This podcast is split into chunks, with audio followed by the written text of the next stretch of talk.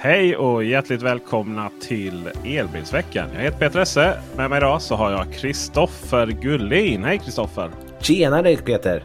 Tjenare tjenare! Hur har din vecka varit? Eh, den har varit bra och den är fortfarande bra. Jag sitter här i Göteborg efter att ha åkt ner hit med en Audi E-tron GT. Spenderat eh, lite tid på takterrassen där igår kväll med en öl och sen kaffe idag. Så att det är inte synd om mig. Hur är läget själv? Ja, det är väl helt irrelevant. Jag hör ju att du har det... Att det, jag menar, kör man Audi så måste man ju bo på hotell och sitta på takterrass och dricka öl. Det är så gammalt. Ja, det borde du veta något om. Okej, okay. ja faktiskt. Kul att du nämner det. Hej Kristoffer Rask! Hej! Hej! Vad härligt att ha med dig igen. Ja, det är kul att vara tillbaka. Äntligen! Ja, Kristoffer Rask från alltomelbil.se. Eh, idag så ska vi prata om massvis med intressanta grejer såsom vilken säkerhetsfunktion i bilar som är mest meningslös. Vi ska prata om en rad nyheter om laddning som det så ofta är. Tesla har släppt en ny bil, eller variant i alla fall. Kia EV9, denna bil som har varit med oss här i många, många avsnitt. Och eh, vad är egentligen en GT-bil? Detta och lite till ska vi prata om efter vårt sponsormeddelande som även denna veckan är Greenly. Veckans episod av Elbilsveckan presenteras av Greenly. Tre riktigt bra saker med Greenly. Det är bra för din plånbok, du får en monetär ersättning. Det är bra för miljön, vi undviker peak hours och slipper sätta igång Karlshamns oljekraftverk. Men det är också bra för samhället. Tillsammans kan vi balansera elnätet och ta tillvara på de resurser som redan finns. Kom igång med Greenly redan idag. Besök oss på greenly.com. Tack så mycket från oss från Greenly och nu fortsätter ett fantastiskt avsnitt av Elbilsveckan. Vi har ju som vi berättade förra veckan hittat en massa kommentarer på Spotify. Vi har fortfarande inte hittat dem riktigt. Men några har ju hittat och, och, och lämnat kommentarer. och Vi har publicerat dem. Men vi vet, varken, vi vet varken var de lämnas eller var de syns.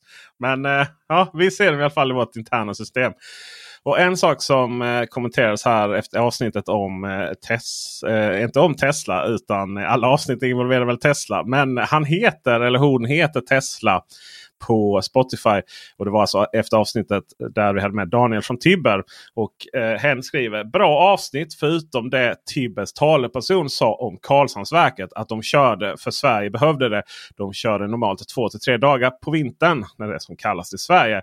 Och här eh, så eh, kan jag eh, svara direkt och säga att det är eh, delvis fel. De flesta har fel om det här kan man säga så här. Det där verket har ju slagit rot eh, som en del av energidiskussionen. Och eh, Faktum är att Karlshamnsverket har eh, också varit igång på sommaren. Men det som många inte vet är att Karlshamnsverket har inte dragit igång på de senaste tio åren på grund av effektbrist. Utan det handlar om att de tjänar pengar anledningen att de tjänar pengar i sin tur har ju att göra med en viss europeisk effektbrist. Så är fallet. Nu är inte det här en podd om eh, energiförsörjning utan om primärt elbilar. Men låt oss ändå förbereda ett avsnitt som handlar om hur strömmen ska räcka till till våra elbilar. Det är nämligen både ett icke-problem och ett samhällsproblem på en och samma gång.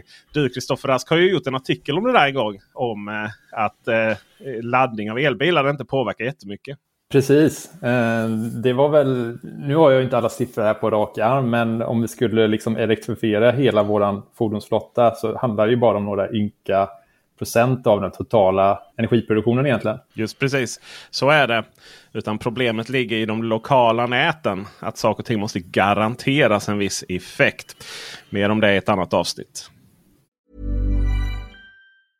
I'm Sandra and I'm just the professional your small business was looking for. But you didn't hire me because you didn't use LinkedIn jobs. LinkedIn has professionals you can't find anywhere else. Including those who aren't actively looking for a new job but might be open to the perfect role. Like me. In a given month, over 70% of LinkedIn users don't visit other leading job sites. So if you're not looking on LinkedIn, you'll miss out on great candidates like Sandra. Start hiring professionals like a professional. Post your free job on linkedin.com/people today. Hey, I'm Ryan Reynolds. Recently, I asked Mint Mobile's legal team if big wireless companies are allowed to raise prices due to inflation. They said yes. And then when I asked if raising prices technically violates those onerous 2-year contracts, they said, "What the f*** are you talking about? You insane Hollywood ass." So to recap, we're cutting the price of Mint Unlimited from $30 a month to just $15 a month. Give it a try at mintmobile.com slash switch. $45 upfront for three months plus taxes and fees. Promo rate for new customers for limited time. Unlimited more than 40 gigabytes per month. Slows. Full terms at mintmobile.com. Burrow's furniture is built for the way you live. From ensuring easy assembly and disassembly to honoring highly requested new colors for their award-winning seating, they always have their customers in mind. Their modular seating is made out of durable materials to last and grow with you. And with Burrow, you always get fast, free shipping. Get up to 60% off during Burrow's Memorial Day sale at burrow.com slash ACAST. That's burrow.com slash ACAST. burrow.com slash ACAST. Vi börjar med att eh, språka om det faktumet att eh, det är klart, om jag förstod saken rätt, Kristoffer eh, Rask som har skrivit om det här på alltomedel.se. Att det ska vara snabbladdare längs var sjätte mil på stora europeiska motorvägar. Ja, exakt var sjätte mil och sen så finns det ju lite, det ska trappas upp på olika nivåer där då, men nu var det ju då till och med slutet av 2025 så ska det ju vara snabbladdare med, eh, eller stationer då med total effekt på 400 eh, kilowatt. Och sen då två år senare skulle det gå upp till 600 kilowatt per, per station. Då. Det låter ju kanske bra, men det är ju egentligen i Sverige så handlar det ju kanske om på våra, som, som du sa, huvudvägar då. Och det är det ju liksom sträcka mellan Malmö och Oslo och sen är det ju sträcka Malmö, eh, Jönköping, Stockholm och sen upp till Luleå. Så det är ju inte på alla vägar. Just det, för att om vi pratar Malmö-Göteborg och Malmö-Stockholm via Jönköping och Helsingborg. Så, så bortsett från några landsbygdsmil där så är det ju laddare nästan i varenda hörn. Ja, det är ju nästan redan hamn där. Ja. Och eh, sen så som du sa så ska det då upp från Stockholm till Umeå och där kan jag tänka mig att det inte riktigt är lika bra. Strax ska vår eh, eh Norrlandskorrespondent Kristoffer Gullin få komma in i detta också. men men eh, jag kan tänka mig att det är lite lite sämre där. Och ännu sämre är det ju mellan eh, Luleå och Narvik som ju då är väg E10 till Gällivare och sedan från Gällivare till Narvik i Norge så är det E45. Eh, och det eh, inkluderar då att man gör en eh, roadtrip till Kiruna om man skulle vilja göra det. Då. Och eh, sen därefter så är det ju från eh, Göteborg till Oslo då som sagt. Den väg som saknar en sån här sträckning på kartorna. Det är ju övriga väg E45 mellan Göteborg och Gällivare eh, via Trollhättan. Då, sen eh, upp till Dalsland, Jämtland, Värmland, Dalarna och vidare in genom Norrlands inland.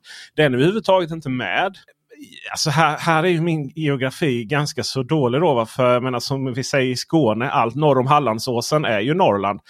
Det bor inga där eller? Kristoffer Gullin? Jag tror att du förolämpar ganska många genom att säga att jag är Norrlandskorrespondenten och så bor jag i Uppsala. Liksom. Eh, jag har ju åkt den här sträckan. Eh, Uppsala, Kiruna och vidare till Norrvik. Det är ju inga problem och det är, i, redan idag. Så det, det, går ju och det kom, har ju bara blivit bättre sen jag gjorde det förra året. Eh, just från Göteborg och vidare uppåt ska jag väl vara ärlig med att säga att jag inte är jättehemma. Det är en sträcka jag tänkt åka för det är många som råkar bo här nere i Göteborg, bästkusten som jag fick höra att jag eh, befann mig på på Instagram.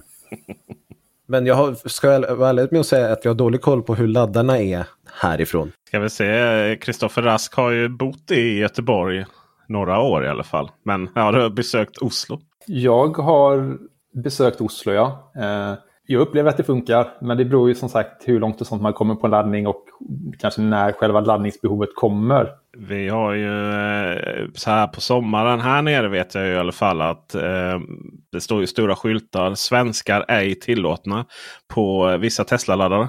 Eh, nej, det gör det inte. Men de, man kan säga så här. De, de många norska registreringsskyltar som upptar, upptar eh, Tesla-laddarna här nere. Eh, i framförallt eh, Center Syd i Löddeköpinge. Eh, där då eh, bara Tesla-laddar, Tesla-bilar kan ladda. Den är inte öppen för alla.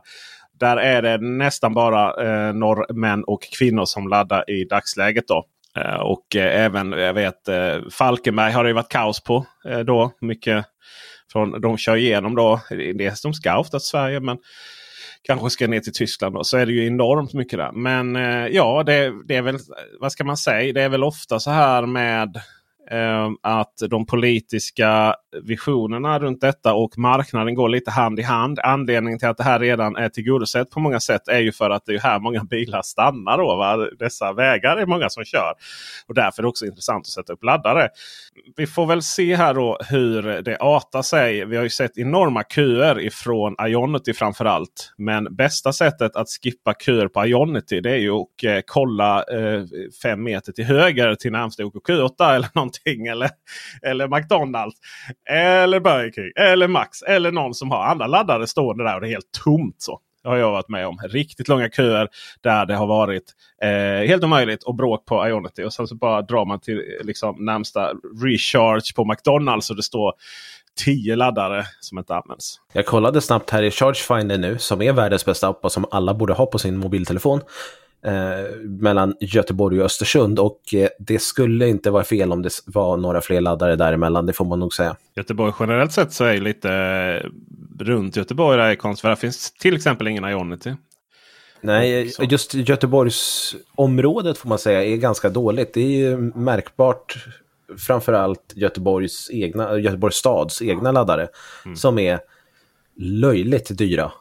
Eh, jag vet inte vad de försöker göra, om de försöker prisa bort elbilarna från Göteborg eller vad det är, men de tar ju hutlösa priser. Här på hotellet tog man 3 kronor per kilowattimme och det tyckte jag var lite mer rimligt. Ja, Göteborg är ju... När jag bodde i Göteborg och eh, då hade jag ingen möjlighet att ladda hemma också. Och man upplevde ju, det var ju en liten katastrof alltså att, att lösa laddningen på hemmaplan. Och, och det var, hände ju någonting där med Göteborgs Energi då som, som helt plötsligt chockhöjde priserna. För från början var ju de bland de billigaste laddarna i hela Sverige. Och sen helt plötsligt blev de nästan dyrast. Man hänvisar till kostnader och så vidare. Man undrar ju... eh, jag antar att de får ström från sig själva så att säga. Även om det är ju inom eh, elbolag är uppdelade med vattentäta skott mellan nätbolaget och liksom resten av bolaget. Då. Eh, man eh, undrar väl om någon liksom gick in i hissen, tryckte på våningen upp och, och stod och skällde där på någon. Vem vet, vem vet. Det här ska ju då rullas ut. Och eh, genom åren här nu så kommer det bli bättre. Det handlar mycket mer, kanske inte så mycket om var sjätte mil som att det finns vissa platser som ständigt kommer ha liksom, brist. då. Exempelvis Jönköping är ju en sån här stad som har enormt mycket besök på bland annat sitt Tesla Supercharge. Har man ju sett här man kollar i Chargefinder att det finns ju knappt några laddare här nu vissa tider. Men samtidigt så kan det sen gå en timme och så är alla eh, 40 lediga. Det tenderar att komma in på ett samma tillfälle. Så. Många sådana här mindre städer också, eller städer, men eh, alltså, vi har ju Sveg till exempel när det är sportlovsveckor och det. Det, det är ju helt omöjligt för ett företag att uh, sätta upp laddare där som tillhandahåller laddare för alla som ska komma dit med sina elbilar under sportlovsveckorna och sen ska det vara helt, jag ska inte säga helt dött, men sen så ska det vara betydligt mindre trafik resten av året. Det kommer ju liksom inte vara hållbart. Där tror jag att både Audi och Circle K som har börjat satsa mer på portabla laddare, eh, de här containerlösningarna, eh, att det kommer att vara en bra lösning för den typen av eh, resor när det blir mycket trafik. En stor del. Det är ju ett marknadsförings... Eh, framförallt från Audis håll är det ju en marknadsföring utan dess like. Att Audi kommer att rädda sportlovet i Sveg. Absolut, men samtidigt så är det ju bra att det står ett par laddare där också. Eh, även om alltså, marknadsföring behöver inte vara dåligt. Nej, så är det ju. Det var, det var nog ingen som tänkte det, Kristoffer. Mycket bättre med laddare än en stor annons eller en stor billboard där det bara står köp på nästa Audi. Just det. Så, här, alltså, så ser alla, alla stå i köerna där liksom. Man ser Audi som står blockerad. Nej, eh, ett alternativ är ju överhuvudtaget inte ladda nästan känns det som. Och, och, där har ju, börjar ju Tesla då komma upp i den. För då har man då visat upp och lanserat för svensk del en long range version som är eh, rear bakhjulsdriven blir det där ja. Just det. Och eh, ja du 620 kilometer eller 62 mil. Kristoffer mm, Rask som ju idag kör runt i en Tesla Model 3. Egentligen är frågan bakvänd. För att eh, är det rimligt skulle jag ställa, säga att komma upp i 62 eh, mil med den bilen. Men eh, det beror på hur man kör naturligtvis. Men det är ju imponerande räckvidd. Ja, det är det absolut. Eh, sen är det ju som du säger, menar, 630 mil eller kilometer på i motorvägsfart är ju kanske snarare 35 mil eller något sånt där. Eh, men ligger du och kör mer lokala resor och sånt där och eh, då, då, är det ju, då kommer du upp i de, de intervallerna, gör det ju nästan.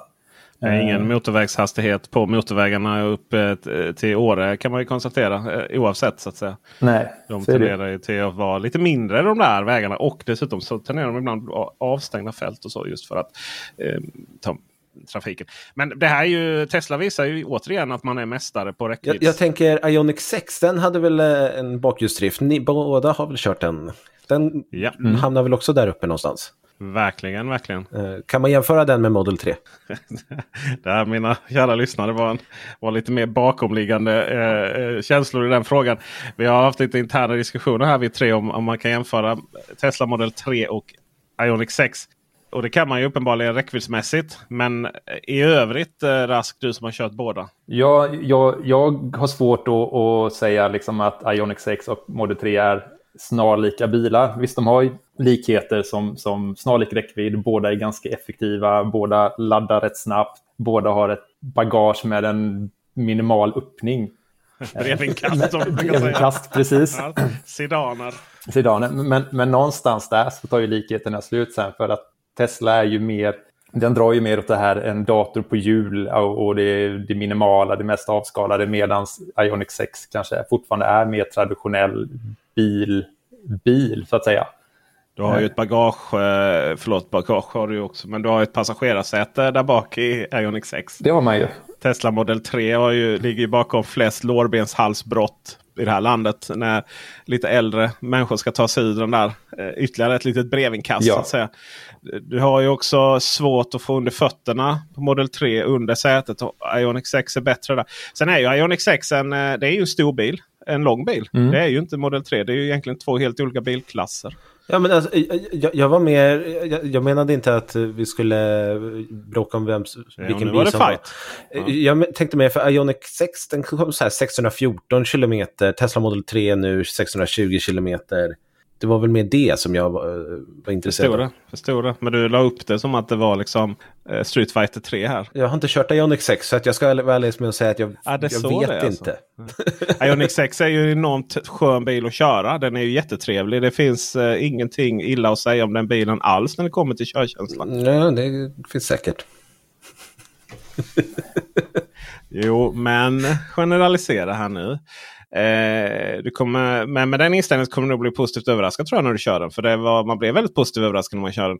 Eh, men Ioniq 6 eh, den har ju Kia och Hyundai då är ju lite tossiga på det sättet att du vet, du stannar bilen, trycker på P och så går man ur. Och sen ska du låsa bilen. Vad tror du händer då? Ja, det, ja just det. Den piper eller något sånt. Den gnäller. Här, du har så här modemljud där nästan. Som man, du vet det där gamla... Och så väntar man på så här... Uh, nej, den, är ju, den stänger ju inte av sig själv. Det är ju det är så här, varför måste jag trycka på startknappen eller stänga av knappen på den här bilen? Det är ju sådana lustigheter. Och, och, du kan inte heller liksom öppna bagageluckan om bilen är igång. Va? Så det blev så här komiska. Ja, så var det i alla fall. Så ja, men alltså det måste på... ju vara någon bugg eller någonting. Det måste vara jättekonstigt. Ja, inställning kanske. Men, Helt äh, värdelöst som taxibil. Måste stänga av bilen för att kunna få ut bagaget. Ja. Ja, jag ska kolla om det är en inställning så återrapporterar jag i nästa, nästa avsnitt. Det är, ja, jo, jo, jo, jo, det är mycket, väldigt mycket konstigt. Eh, sådär. Och sen så är det sådana saker som att... Eh, ja, men det, det, nu blir det en hel recension av Ioniq 6. Ni får kolla på min YouTube-recension eller Rasks YouTube-recension. Men det är klart, det är två bilar som kommer väldigt, väldigt långt. Och det är veda kontraster till exempel Kia EV6 GT här nu som vi ska prata om strax.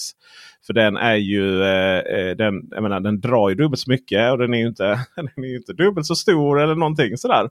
Nog att den har en väldigt hög motoreffekt fast visserligen så sitter jag och kör på ekoläge istället. jag sitter, har en Kia EV GT med 530 kilowatt och jag trycker in ekoläge när jag kör. Det är liksom, var, var, varför har jag denna bilen? Och därför, och det är precis det jag menar med när jag gjorde mitt ljud för Hyundai Ioniq 6. Du tycker gärna om komfort och bara ligga och tuffa. Jag ja. tror jag kör lite mer aktivt. Om Du vi säger så. Ja, så att norrländska vägar Alltså, eh, gaser. Ja, som sagt, jag tror att du fortsätter förolämpa Norrland genom att säga att Uppsala är Norrland. Nej, nej, alltså. Det, det, no, okay. det, jag tänkte jag ska, jag ska låta bra. Eh, när jag sa att du var ut, eh, Norrlandskorrespondent så menade jag naturligtvis att du var uppe och körde i Norrland. eh, så. Och när jag säger att du gasar runt i Norrland då menar jag naturligtvis när du körde fast i Norrland. Eller var det Mellansverige? Alltså det var precis utanför Järlåsa som är Ja. 10 minuter från Uppsala, 20 minuter Jaha, kanske. Åh fan, åh fan jag, vi trodde du satt där liksom ensam i in, Norrlands inland och liksom eh, skulle frysa ihjäl. Nu minskar ju empatin rejält. vi går vidare, vi går vidare. Men eh, Tesla visar i alla fall att man kan sälja bilar. Och den är ju, den är, vad, vad sa? Det fanns en som kostar 495 000 som är listad som lagerbil. Men annars är de 549 000. Ja, det stämmer. Eh, jag, vad jag förstår det som så är ju lagerbilen ett... Eh, priset på den här lagerbilen nu är ju ett kampanjpris. Som de verkar ha lagt upp nu tillfälligt här. Ja, Men, wow. Och sen var det någonstans 50 000 dyrare tror jag i ordinarie pris. Okej. Mm. Eh, och de finns i Sverige. Du blev lite ifrågasatt där såg jag. Ja, ja, det är precis. Jag fick några mejl här efter att jag rapporterade om det här. Att eh, men den, det gäller bara amerikanska marknaden, men den, den finns ju i Sverige. Det gör den ju. Tesla. Eh, man kan inte gå in på tesla.se för den äger någon helt annan. Man kan gå in på tesla.com se tror jag. Så ser den helt enkelt. Nej, och Samtidigt så är det inte så enkelt att bara gå in på Teslas hemsida och konfigurera en Tesla Model 3. För jag vet inte, är det... Jag sa ju i vår chatt igår att jag tycker Tesla är lite oärliga här, att de kommer ut med den här modellen, men den ligger... Man får alltså gå till Teslas hemsida och välja bilar i lager. Då dyker de här, bi- den här modellen upp. Går man till Ja. bara Model 3 och konfigurerar en sprillans ny bil, då finns inte den som konfiguration. Så jag, jag förstår inte varför man har gömt de här. Dessutom står det kommer snart, så att de är ju inte i lager. Okej, så den är inte riktigt lanserad då. Vi är så, eh, vad, är, liksom, vad är lanserad kan man undra? Jo, lanserad är när någonting säljs på marknaden. Jag skulle säga att den är annonserad, eller An, utannonserad. ja, utannonserad är den precis. Eh, nu, eh, dessutom jag sitter och klickar runt här på tesla.com. Jag lyckas inte ens hitta till den svenska sidan. För jag fick inte det. Det är inte snedstreck SE. Nej, det är SV-SE. Ah, Gud. Mm.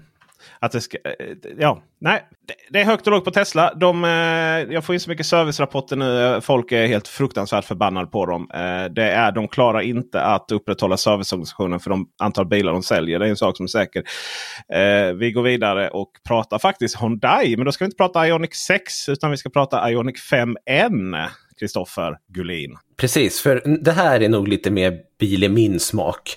Eh, där jag pratar om en Hyundai som är lite mer aktiv körning. Hyundai Ioniq 5 är ju en bil som vi har pratat väldigt mycket om och hyllat väldigt mycket, förutom med leveranstider där den inte går att få tag i. Nu har ju Hyundais N-avdelning eh, satt tänderna i den här bilen och Hyundai N-serierna det är ju de här lite sportigare modellerna. Vi har ju i21 och i31 bland annat. Med Hyundai Ioniq 5 så har vi nu fått eh, en AVD-version som producerar 478 kilowatt. Det är lite mer än tidigare. Vi ska ha en 0-100-sträcka på 3,4 sekunder. Komma upp i 260 kilometer i timmen. Så att det, det, det är bra. Det, det, är lite, det känns lite som att det är så här en eh, Audi RS6 liksom, som ska vara lite mer anonym men ändå gå ut och bara fan liksom. Audi RS6, sa du? Ja, det är en bil du inte vet vad den är för den går inte på el. Ah. Tänkte du blandat ihop så Kia EV6 GT och Audi RS E-tron GT eller något. Den har också ett nytt batteri. Ett större batteri, 84 kilowattimmar. Versus det normala 77 som man får på en vanlig Ioniq 5. Får jag, jag räcker upp handen som tråkig här då. Varför wastear man litium på... Vadå wastea? Är det här engelsk podd? Varför slösar man litium på en prestandabil istället för bara släppa en long range version?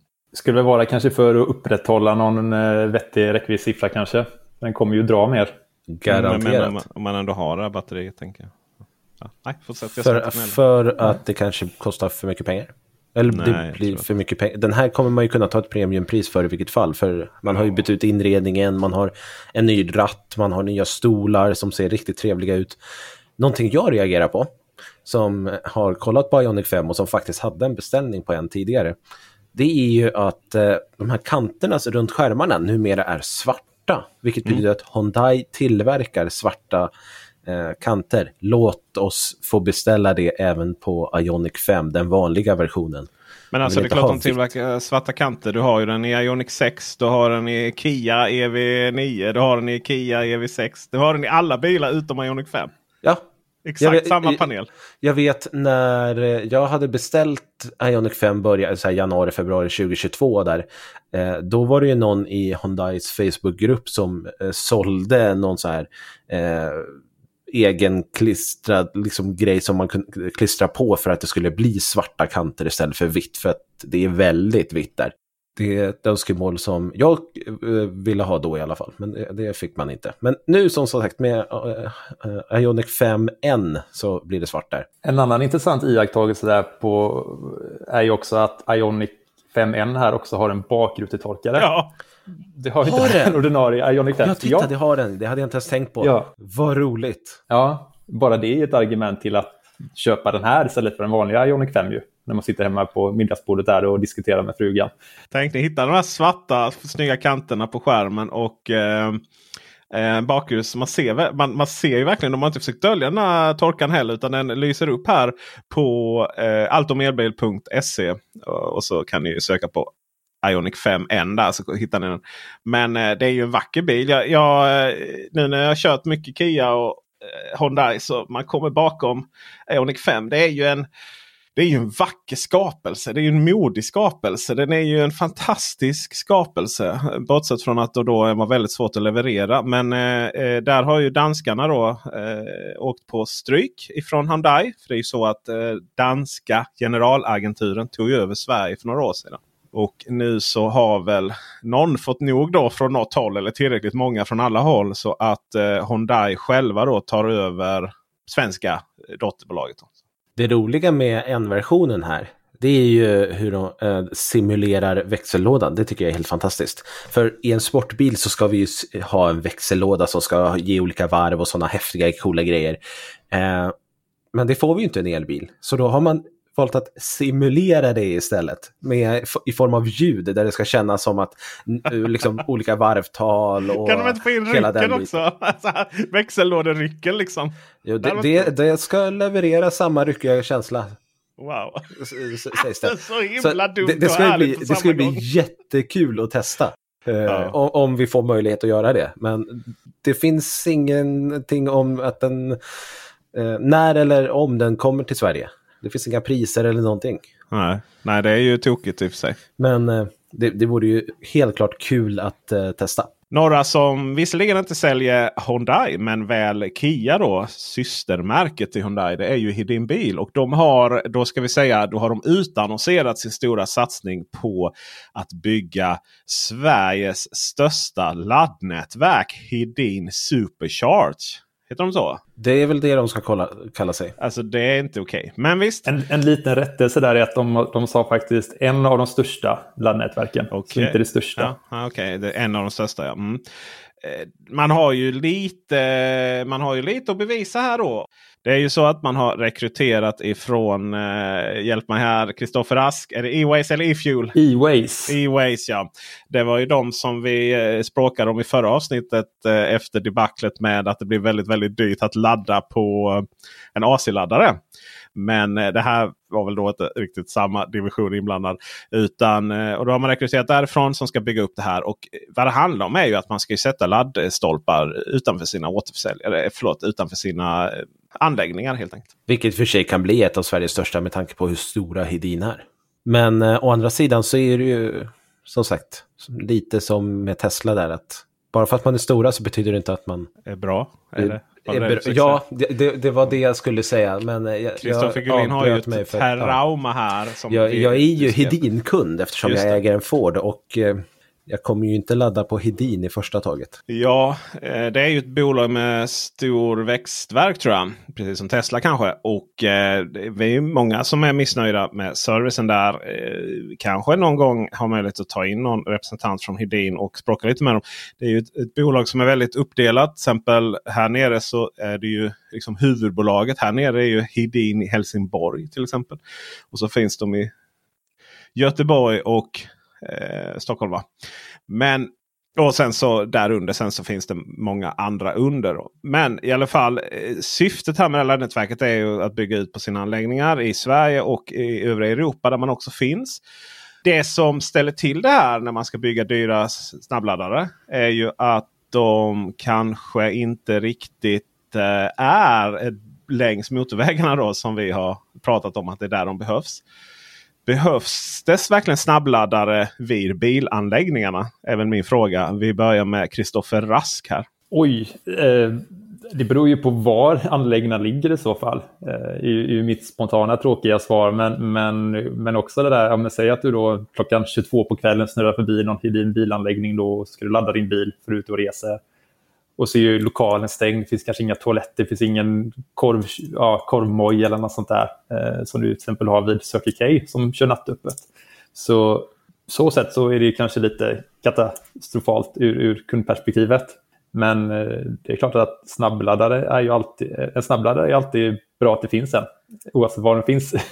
Gulin, vad kan, kan, det inte vara så att de eh, vill att eh, vi som redan har köpt elbil, vi är ju beredda att betala liksom. Mm. Eh, då är vi, måste vi vara fantastiska att få in i hallen.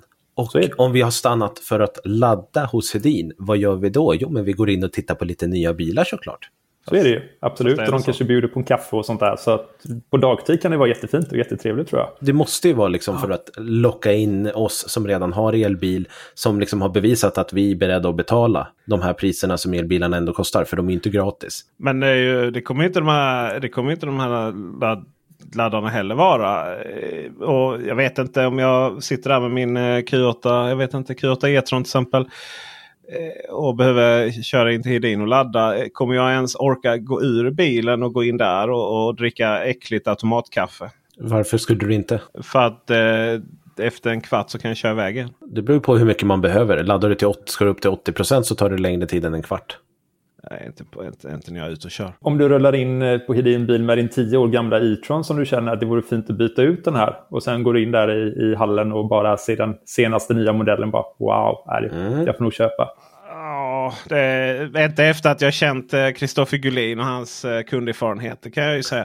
Men vad jag vill försöka komma till här lite är att är de här laddarna till för att locka in folk i bilhandeln?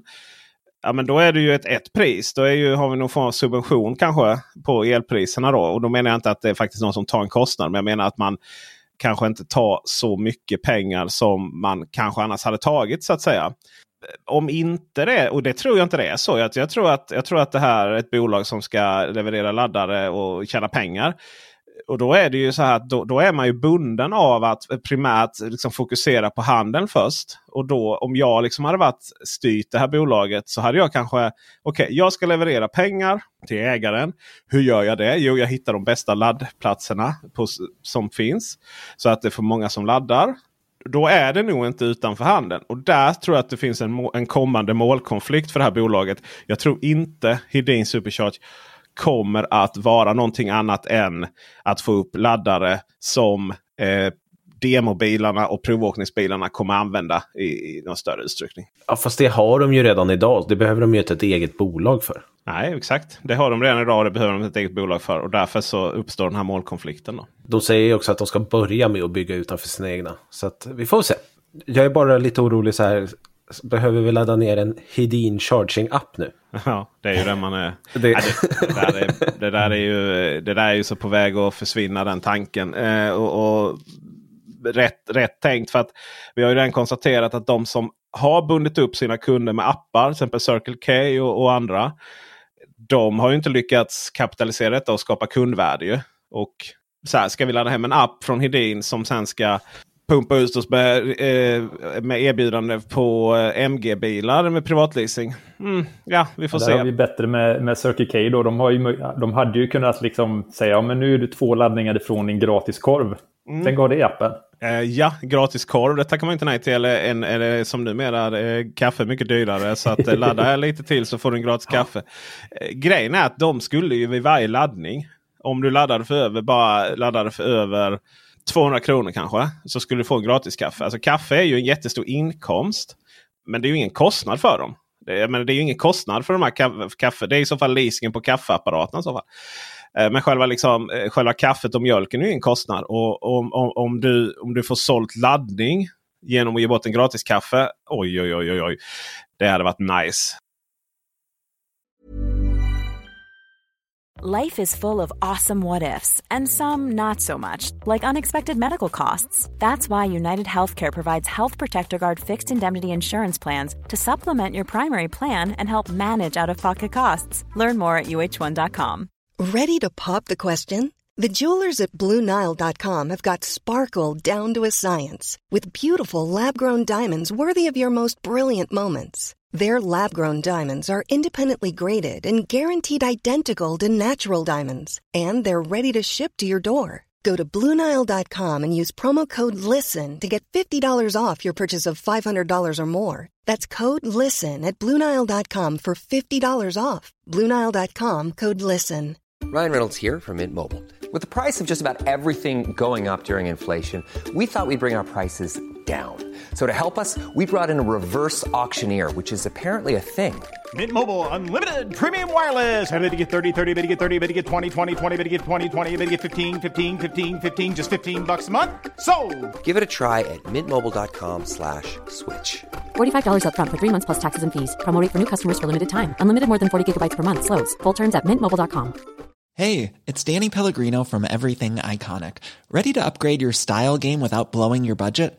Check out Quince. They've got all the good stuff shirts and polos, activewear, and fine leather goods, all at 50 to 80% less than other high end brands. And the best part? They're all about safe, ethical, and responsible manufacturing. Get that luxury vibe without the luxury price tag. Hit up quince.com slash upgrade for free shipping and 365 day returns on your next order. That's quince.com slash upgrade.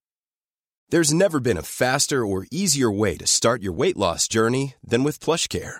PlushCare accepts most insurance plans and gives you online access to board-certified physicians who can prescribe FDA-approved weight loss medications like Wigovi and Zepbound for those who qualify. Take charge of your health and speak with a board-certified physician about a weight loss plan that's right for you.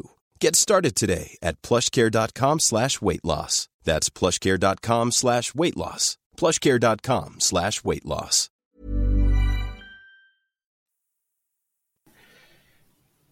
En sak som är roligt med Kia EV9. Det är ju det faktumet att vi alla tre har varit och klämt och känt på den. Nu har ingen av oss provkört den. Men vi har alla sett den. Och jag eh, har ju varit väldigt positiv till den här bilen. Jag har ju till och med ut, eh, dömt ut den. har Jag inte gjort. Jag har dömt ut Volvo har jag gjort. Eh, som eh, att Kia EV9 totalt kommer köra över Volvos eh, annars så fina försäljning av EX90. Mest för att Volvo inte kan leverera för stunden. Men eh, ja, Kristoffer Gullin, du är ju den som har fräschast intryck av EV9. Håller du med mig när jag säger att det här är en farlig bil för svensk bilindustri? Ja, det tror jag. Eh, jag tror att eh, EX90 EX90 är i en annan premiumklass, det är ingen tvekan om saken. Men det kom, den är för långt bort och den kostar 300 000 kronor till. Är du en person eller familj som behöver sex eller sju säten och inte framförallt är ute efter premiumkänslan eller den, den absoluta premiumkänslan för EV9 är faktiskt trevlig på interiören också. Och dessutom så uh, säljs Kian bland återförsäljare där man kan få rabatter så man kan komma ner lägre pris. Det, det finns inget vettigt an, vettig anledning förutom sitt eget personliga tyckande att välja en EX90 före EV9. Kristoffer Rask, du är ju närmast Volvoland där. Och visserligen inte varit med på EX90-lanseringen och sånt. Men lite Seeker och lite annat och så vidare. Vad säger du om eh, EV9 i relation till eh, dess konkurrenter? Den största styrkan med EV9 utöver att jag tycker är att det är liksom en riktigt läcker bil och eh, kanske någonting då man behöver många sittplatser. Det är ju att plattformen är välbeprövad nu. Eh, det är ju samma plattform som sitter i EV6 och, och eh, Hyundai-bilarna vi pratade om tidigare här. Och den är välprovad. Men medan EX90-plattformen är ju något helt nytt. Det är ingen som kanske vet hur den kommer bete sig i verkligheten under verkliga förhållanden. Eh, så det är ju en jättestyrka för EV9 också. Eh, Kia visar att man kan bygga elbilar och har gjort det under några år nu. Ja, vi är nästan nere på eh, att eh, det enda problemet med Kia EV9 är att eh, den saknar eh, bakrutetorkare. Men eh, vår, eh, vår extra noggranna journalist, granskande journalist här ifrån Uppsala. Du hittade ju den där torkaren. Alltså, det, det började ju regna när jag på vi, pressvisningen där. Så att det var inte mer som att hitta utan det var mer så här. Ja, ah, oj då, det fanns en. Vad bra. Gud vad roligt. Bara jobbat liksom. den gick igång.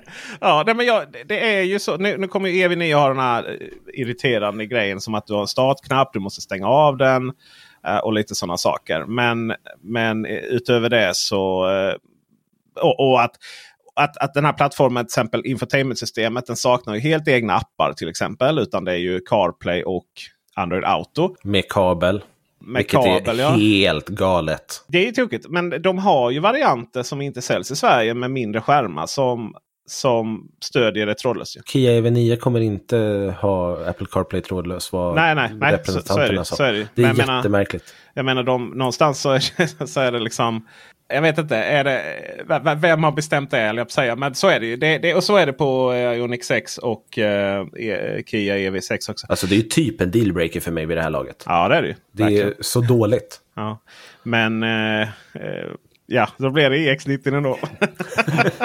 Nej men det är ja. jättekonstigt. Det finns ju liksom ingen... Det, man, man undrar ju. Och där är ju så här. Det gör ingenting till exempel på Polestar eller Volvo att uh, man inte har det där riktigt så hårt. För att du, du kommer en, alltså det, det, du vinner ingenting på att ha CarPlay där. För du har ju de här egna apparna. Eh, tycker jag då. Eh, för att det är inte så mycket mer än Spotify och, och, lite annat som man vill ha. Men det där är, det är jättekonstigt. Men jag menar, det, det är ju fortfarande en hyfsat marginell grej. De här små grejerna där. Liksom, men som, som att du behöver. Jag är en person som behöver en prisvärd bil där jag kan få in jättemånga människor där bak. Och jag vill inte ha en ID-Buzz. Alltså, det är den ju. Du kan inte köpa en ID-Buzz för den finns inte som sjusits i Dessutom, Sverige. ännu. Um, och EX90 finns inte. Det är ju ja, Mercedes EQS SUV. Den är rätt fin. 1,5 miljoner va? Du har ju Mercedes EQB. Ja. Eh, den finns ju också som sjusitsig och den börjar väl på 630 000. Den måste vara jättetrång. Men den, är ju, den har ju noll utrymme. Mm. För när du har, det fick jag, jag har, känner en eh, familj som är sex personer och de är ute efter en bil. Och då frågar de specifikt om, ja men när alla säten är uppfällda, hur mycket bagage har jag Nej. kvar? Liksom? Hur lång, får jag in en barnvagn? Och nu ska jag ärligt säga att jag vet inte hur bred en barnvagn är. För att jag har aldrig behövt bry mig om det. Men det är 55 centimeter när sista raden är uppfälld i eh, Kia EV9. Det är det absolut inte i Mercedes EQB, det kan jag lova. Nej, du tar väl hela där. Men det är ju en sån grej. Det är, alltså Tesla Model X är ju också väldigt lite utrymme där bak när sätet är eh, det, det bakre eller tredje raden är uppe. Och även, eh, nu har jag inte sett EX90 men XC90 är ju sån här grej som att om du ska fälla de två där bak och ska ha in bagageutrymme som att du är så många människor.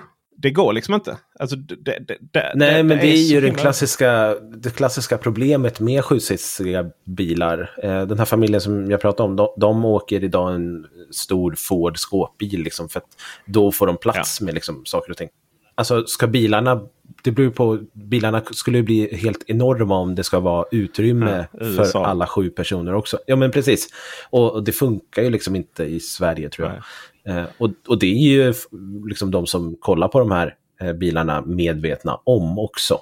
Eh, och det funkar ju för, för de flesta. Det är därför det blir lite roligt när eh, familj med fyra personer behöver 600 liter bagage. Men de som är sex eller sju, de, de kan nöja sig med 300-400. ja, precis. Man lär sig packa. Eh, jag upplevde ju från eh, muskelminnet här, heter det inte, vad heter det, när man eh, bara har fått för sig någonting. Att det var hyfsat med plats när tredje raden var uppfälld på Kia EV9. Det var inte jättemycket plats, men det var inte så lite som på... 55 cm djup, 107 cm bred. Ja, det... det är faktiskt helt okej. Okay. Det är faktiskt helt okej. Okay. Och just eftersom eftersom den är så rak i bak också, den går ju verkligen, det är, det är en kantig bil. Det, det, är ju det. är ju 90 grader, vilket gör att du får ju hela höjden där också. De har ändå trots dess kantighet få, minska, har ett äh, mindre luftmotstånd jämfört med Volvo EX90.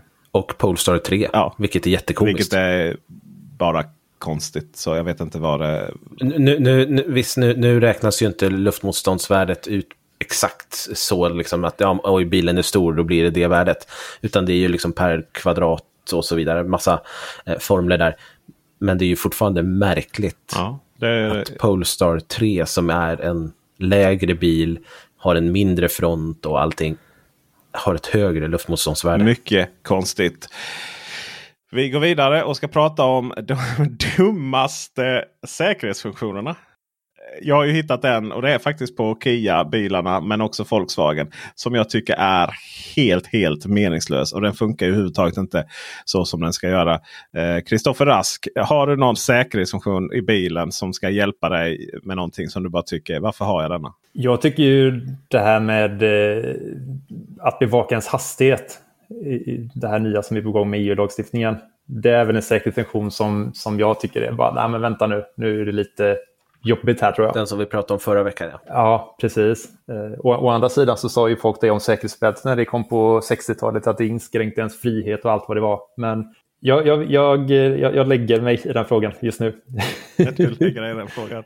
Gullin? Ja, alltså jag är lite beredd att hålla med.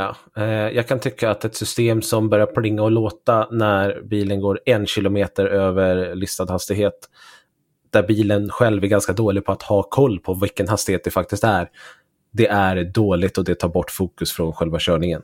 Eh, man borde ha, lägga in fem kilometers marginal i alla fall. Jag gillar verkligen, verkligen hastighets... Eh, att den varnar mig när det är visuellt. Att den börjar blinka. För jag ser det. Alltså när det börjar blinka där lite så. Då ser jag det. Eh, och, och så gör jag en snabb liksom, oj har jag missat någonting? Eller nej det är inte 70 här på 110-vägen. Jag, jag fattar det liksom. Eh, så det, för det, det blev lite kontrast för mig då när jag gick från Ioniq 6 som ju har det här eh, påtvingande då med ljudsignaler. Till Kia EV6 då som inte har det. utan Men den har den här att den varnar då lite snyggt. Eh, och det tycker jag funkar riktigt bra. Men det jag ska prata om idag, alltså dummaste funktionen som jag överhuvudtaget inte förstår vem, hur den har kunnat komma igenom. Det är filbytarassistenten. Är det ett säkerhetssystem verkligen? Stödsystem kan jag absolut hålla med på. En säkerhetssystem är... Säkerhetssystem, ja, den säger ju till liksom när det är säkert och sånt att, att eh, byta fil. Ja. Men oavsett det så är det den jag ska prata om. Vad vi än kallar om den. För det är nog Mm. ta mig tusan det dummaste jag har sett. Oavsett vilken bil jag kört så uppstår följande. Jag blinkar och så får jag ett felmeddelande om att eh, körfilsassistenten är avbruten på grund av att du eh, tog över kontrollen. Jaha, okej. Eh, ja, men det är så jag lite jobbar när jag kör bil. Jag håller i ratten och jag, om jag ska blinka till vänster och köra om en bil så drar jag lite ratten till vänster. För att jag tycker att man ska ta ansvar för sin omkörning. så att säga.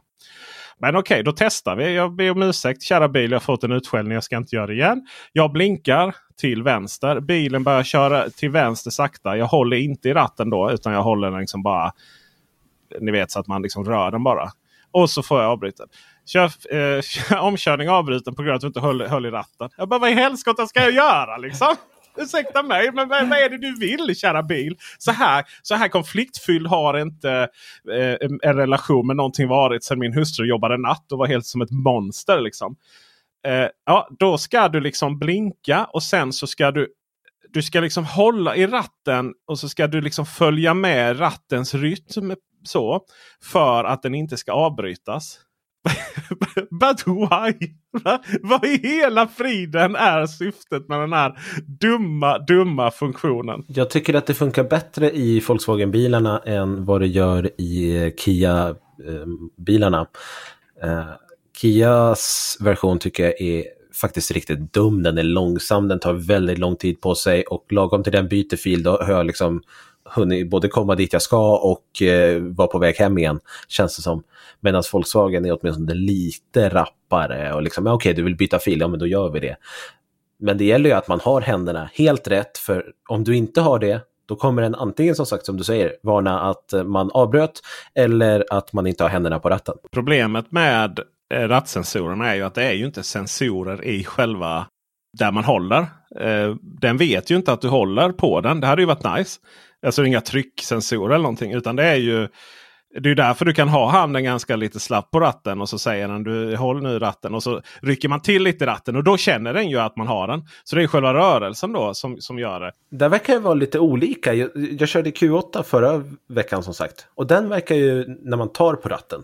Det är jättekonstigt. För jag, jag körde med ett finger. Och det var han helt nöjd med.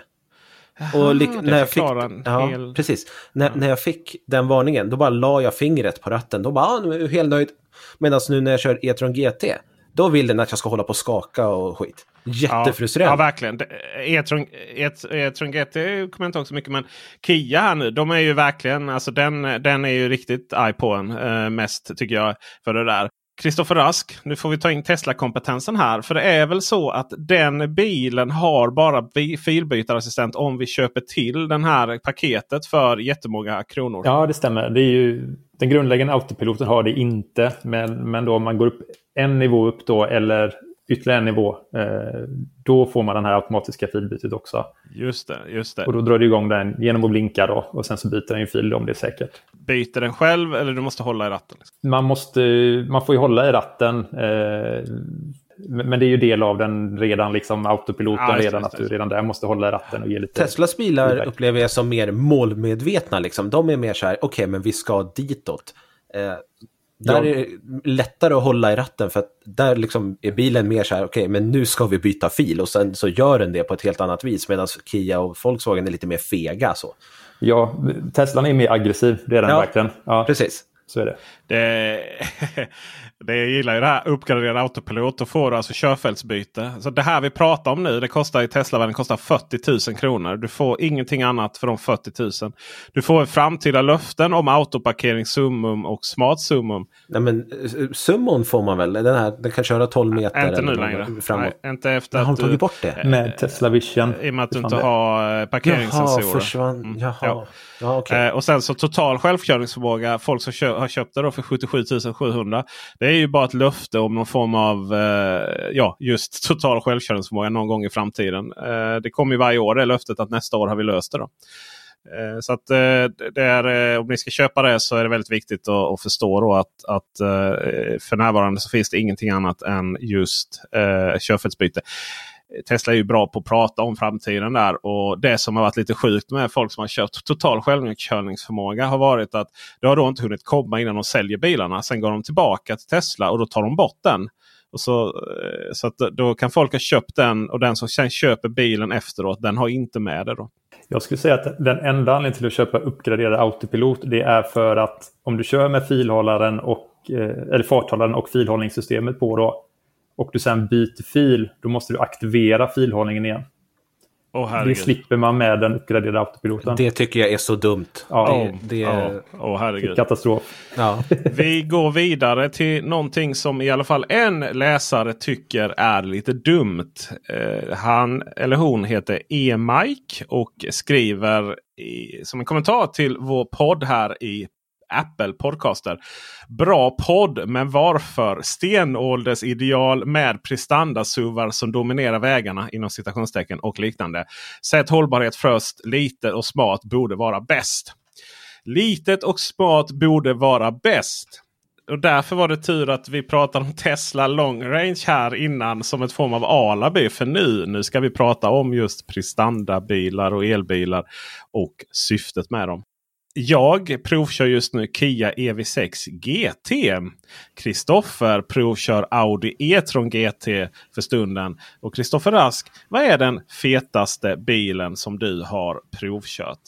Fetaste ur prestandaperspektiv är det nog Tesla Model S Plaid med sina Naturligtvis. 1000 plus hästkrafter. Naturligtvis, naturligtvis. Och Mm. eh, lite i den här diskussionen då. Och, och jag, tycker, för jag tycker det var så bra kommentarer här. För jag har också funderat på, på just elbilar som prestandamonster. De har ju ofta fyrhjulsdrift till exempel. Och där, med det så har de också då mycket högre motoreffekt. Och motoreffekt på elbilar mäts ju i kilowatt. Och ibland så eh, blir det så att folk blandar ihop detta. För med elbilar har vi då kilowatt motoreffekt. Och vi har kilowattimmar laddning. Och sen har vi alltså hur, hur, hur många kilowattimmar vi har fått i batteriet. Då. Eh, för att få in eh, x antal kilowattimmar batteriet så måste vi då stoppa in en laddkontakt i bilen. Och där pratar vi återigen kilowatt. Då. Så att det kan ibland bli lite förvirrande. Och eh, så. Men om man tar som ett exempel då så har eh, Kia EV6 GT 430 kilowatt. Det är alltså motsvarande 585 hästkrafter. Och eh, det kan till exempel jämföras då med eh, EV, eh, Kia EV6 utan GT fyrhjulsdriven. Den fetaste varianten. Den har då eh, 300, 239 kilowatt eller 325 hästkrafter. Och en liten, eh, liten mer kompetensutveckling här då. Antal kilowatt motoreffekt. Det är alltså effekten som batteriet måste putsa in, in i eh, bilens motor helt enkelt. Det är det som är liksom effekten. Det korrelerar däremellan. Sen blir det lite förluster och så vidare. Eh, det är rätt intressant att eh, Model X Played med sina, vad sa du, häst, eh, Model S Played, hur många hästkrafter hade den sa vi? 1020 säger man väl tror jag det står. Just det. Ja. Och eh, kan ni då snabb huvudräkning hur många, hur många kilowatt eh, motoreffekt det är? Jag gissar på 768. Ingen aning. Det. det är bra. 772 kilowatt. Det är ju så här gångertabell okay. där varje gång. Uh, och då är det alltså att 700, uh, 772 kilowatt uh, effekt ska alltså dras ifrån batteriet till, eh, till eh, motorn. Då det är inte konstigt att den där bilen behöver en halvtimmes eh, förberedelse för att göra detta. Alltså vi pratar, den drar ju alltså lika mycket ström där under den accelerationen som ett mindre, en mindre by gör. Så där är det liksom. Det finns ju ingenting ur ett... Eh, om vi ska prata då liksom komma tillbaka lite till den här feedbacken. Så det finns ju ingenting sunt ur ett effektivitetsperspektiv att köra runt i dessa bilar. Så varför Kristoffer Gullin kör vi runt i dessa bilar? Vad är syftet med dessa så kallade GT-bilar? Och vad betyder GT egentligen? Eh, GT är väl en drink va? eh, GT är någonting som har funnits ganska länge inom bilvärlden får man väl säga. Det är ju Grand Tourer och eh, från början så var det ju väldigt mycket eh, fokus på just prestanda och bekvämlighet att köra långt. Du skulle åka Europa runt och gjorde du det i en GT liksom och du en eh, flådig bil som eh, kunde leverera när det behövdes men som man också kunde liksom lägga sig på eh, motorvägen och cruisa i ganska bekväm hastighet på och bekväm hastighet, då pratar vi liksom autobahn 140-150. Men eh, jag kan personligen tycka att GT-märket, om vi ska vara sådana, har vattnats ur lite under senare tid. Det har blivit mer en marknadsjippo än vad det faktiskt var från första början. Liksom. Syfte då? Alltså vad är det vi får? Vad är det, vad är det vi egentligen får om vi, om, vi tar, om vi utgår från Audi E-tron GT till exempel då som du provkör nu. Vad är det med GT? Vad är det, vad är det vi får? Vad är det för bil? Det här är ju en eh, låg bil, det är mycket effekt, det är stort batteri, det är eh, snabbt eh, laddning, det är luftfjädring. Det går liksom ut på att du ska komma långt, du ska komma dit snabbt och gärna i en bil som eh, folk tittar på. Du har 350 kilowatt eller 476 hästkrafter i den där lilla eh, godbiten. Mm, det stämmer bra det. Den eh, bär iväg på 0 100 på 4,1 sekunder, vilket kan verka långsamt om vi jämför med till exempel Tesla Model S Plaid här. Men å andra sidan så har ju nu har inte jag kört Tesla Model S Plaid, jag har bara sett recensionerna på den, ska jag väl säga. Men det ska ju sägas att Audi har ju jobbat lite mer, tror jag, med själva körstilen på E-tron GT, där den inte bara går snabbt framåt utan den kan också klara av en kurva. Ja, det är ju strålande. Eh, det ska ju sägas att det finns ju RS E-tron GT som ju klarar eh, 0 100 på 3,3 sekunder också. I händelse av att man tycker att E-tron GT är lite, lite långsam. Då kommer den naturliga frågan. När känner du behov av att eh, accelerera ut med denna kraft? När jag gör en jobbig omkörning. Nej, men eh, när... Eh, när man går upp på E4 så är det kul att trycka gasen i botten. Eh, annars, alltså i Sverige så har vi ju noll nytta av det här Ja. egentligen. Det är så här, ja, men jag kommer upp på 120, ja det tog fem sekunder. Nu då? Ja. Eh, Ehm, det är inte en bil som drar särskilt lite när man bara ligger och cruisar så att nej. Den är ju inte gjord för Det är ju Sverige. en bil som är otroligt tråkig att köra i 100. Det känns som att allting går så otroligt långsamt. Ja, är, Eh, att, att ligga i 80 är jättetråkigt. det är inte ens lagligt. aldrig använt farthållare så mycket som jag har gjort nu när jag har eh, kört E-tron GT. För att det går inte annars.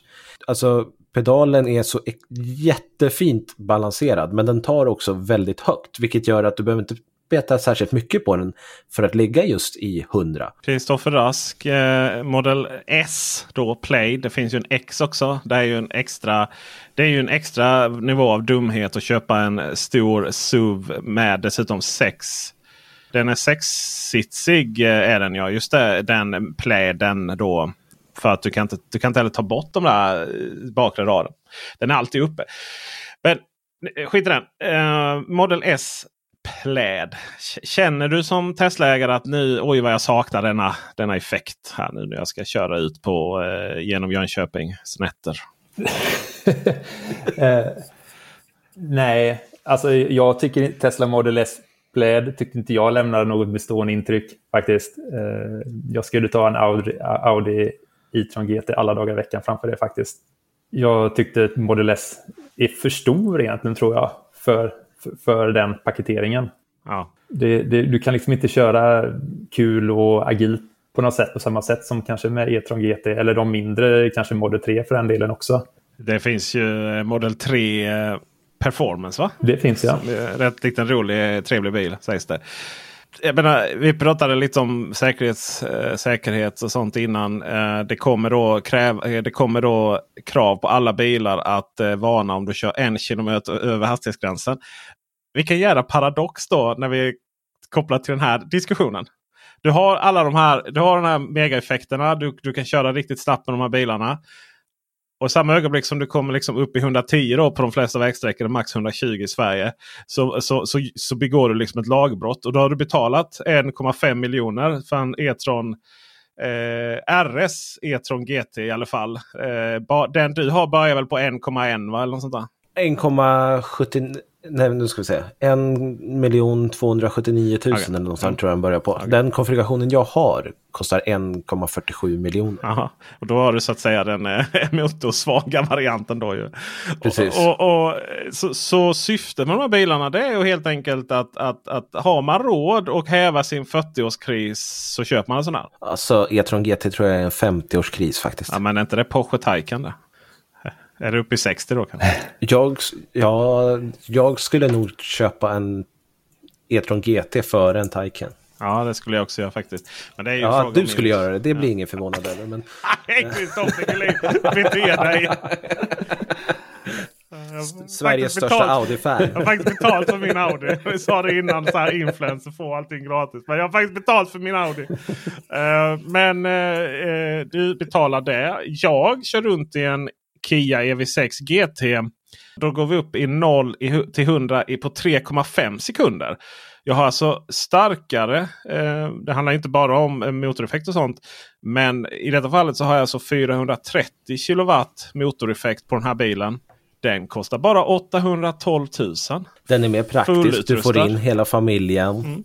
Man kan sitta Packningen. tre där bak. Bara det. Ja, det gör du inte en E-tron GT, det gör kan jag lova dig. Det finns ju inte. Det är ju bara två säten. Precis.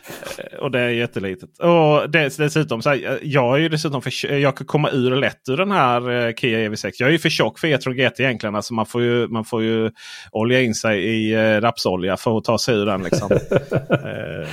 inga inga eh, bilder här framför er nu, era eh, snuskisar. Det är för sent. Det är för sent. ja, ja, men så är det ju. Ja. Jag har gjort det på film faktiskt. Med kläder på dock ska sägas.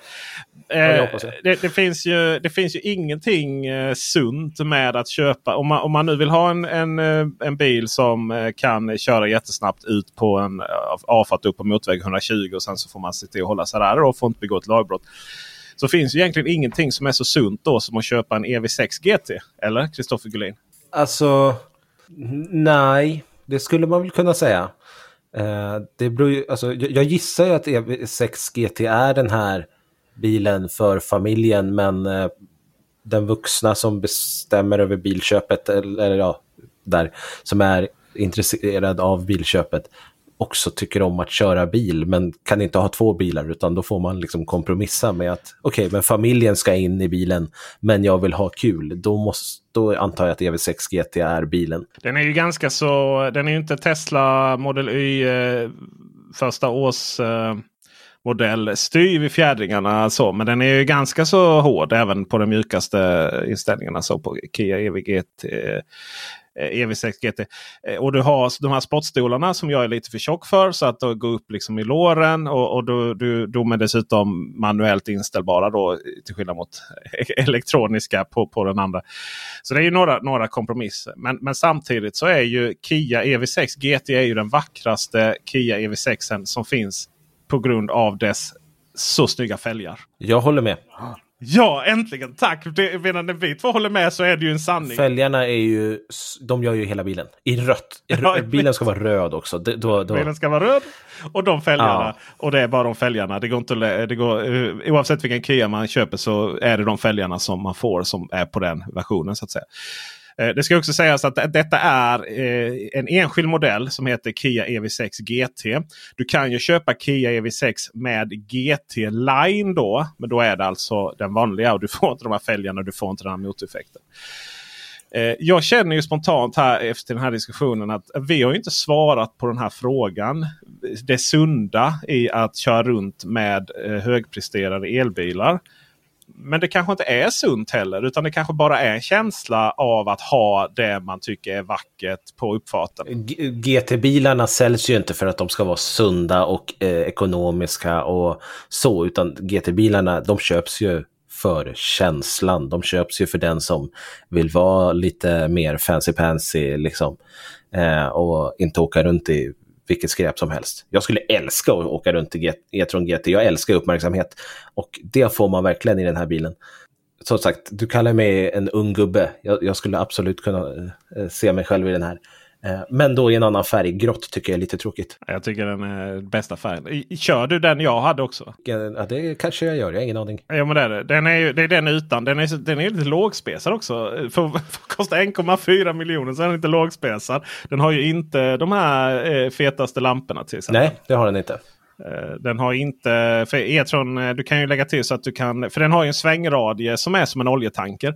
Eh, men du kan alltså lägga till att jag har varit i ett garage i Södertälje och återhämtar mig aldrig från det kan jag säga när jag försökt komma ur därifrån. Men du kan ju lägga till så att bakhjulen svänger också på den bilen. Det går, absolut. Ja.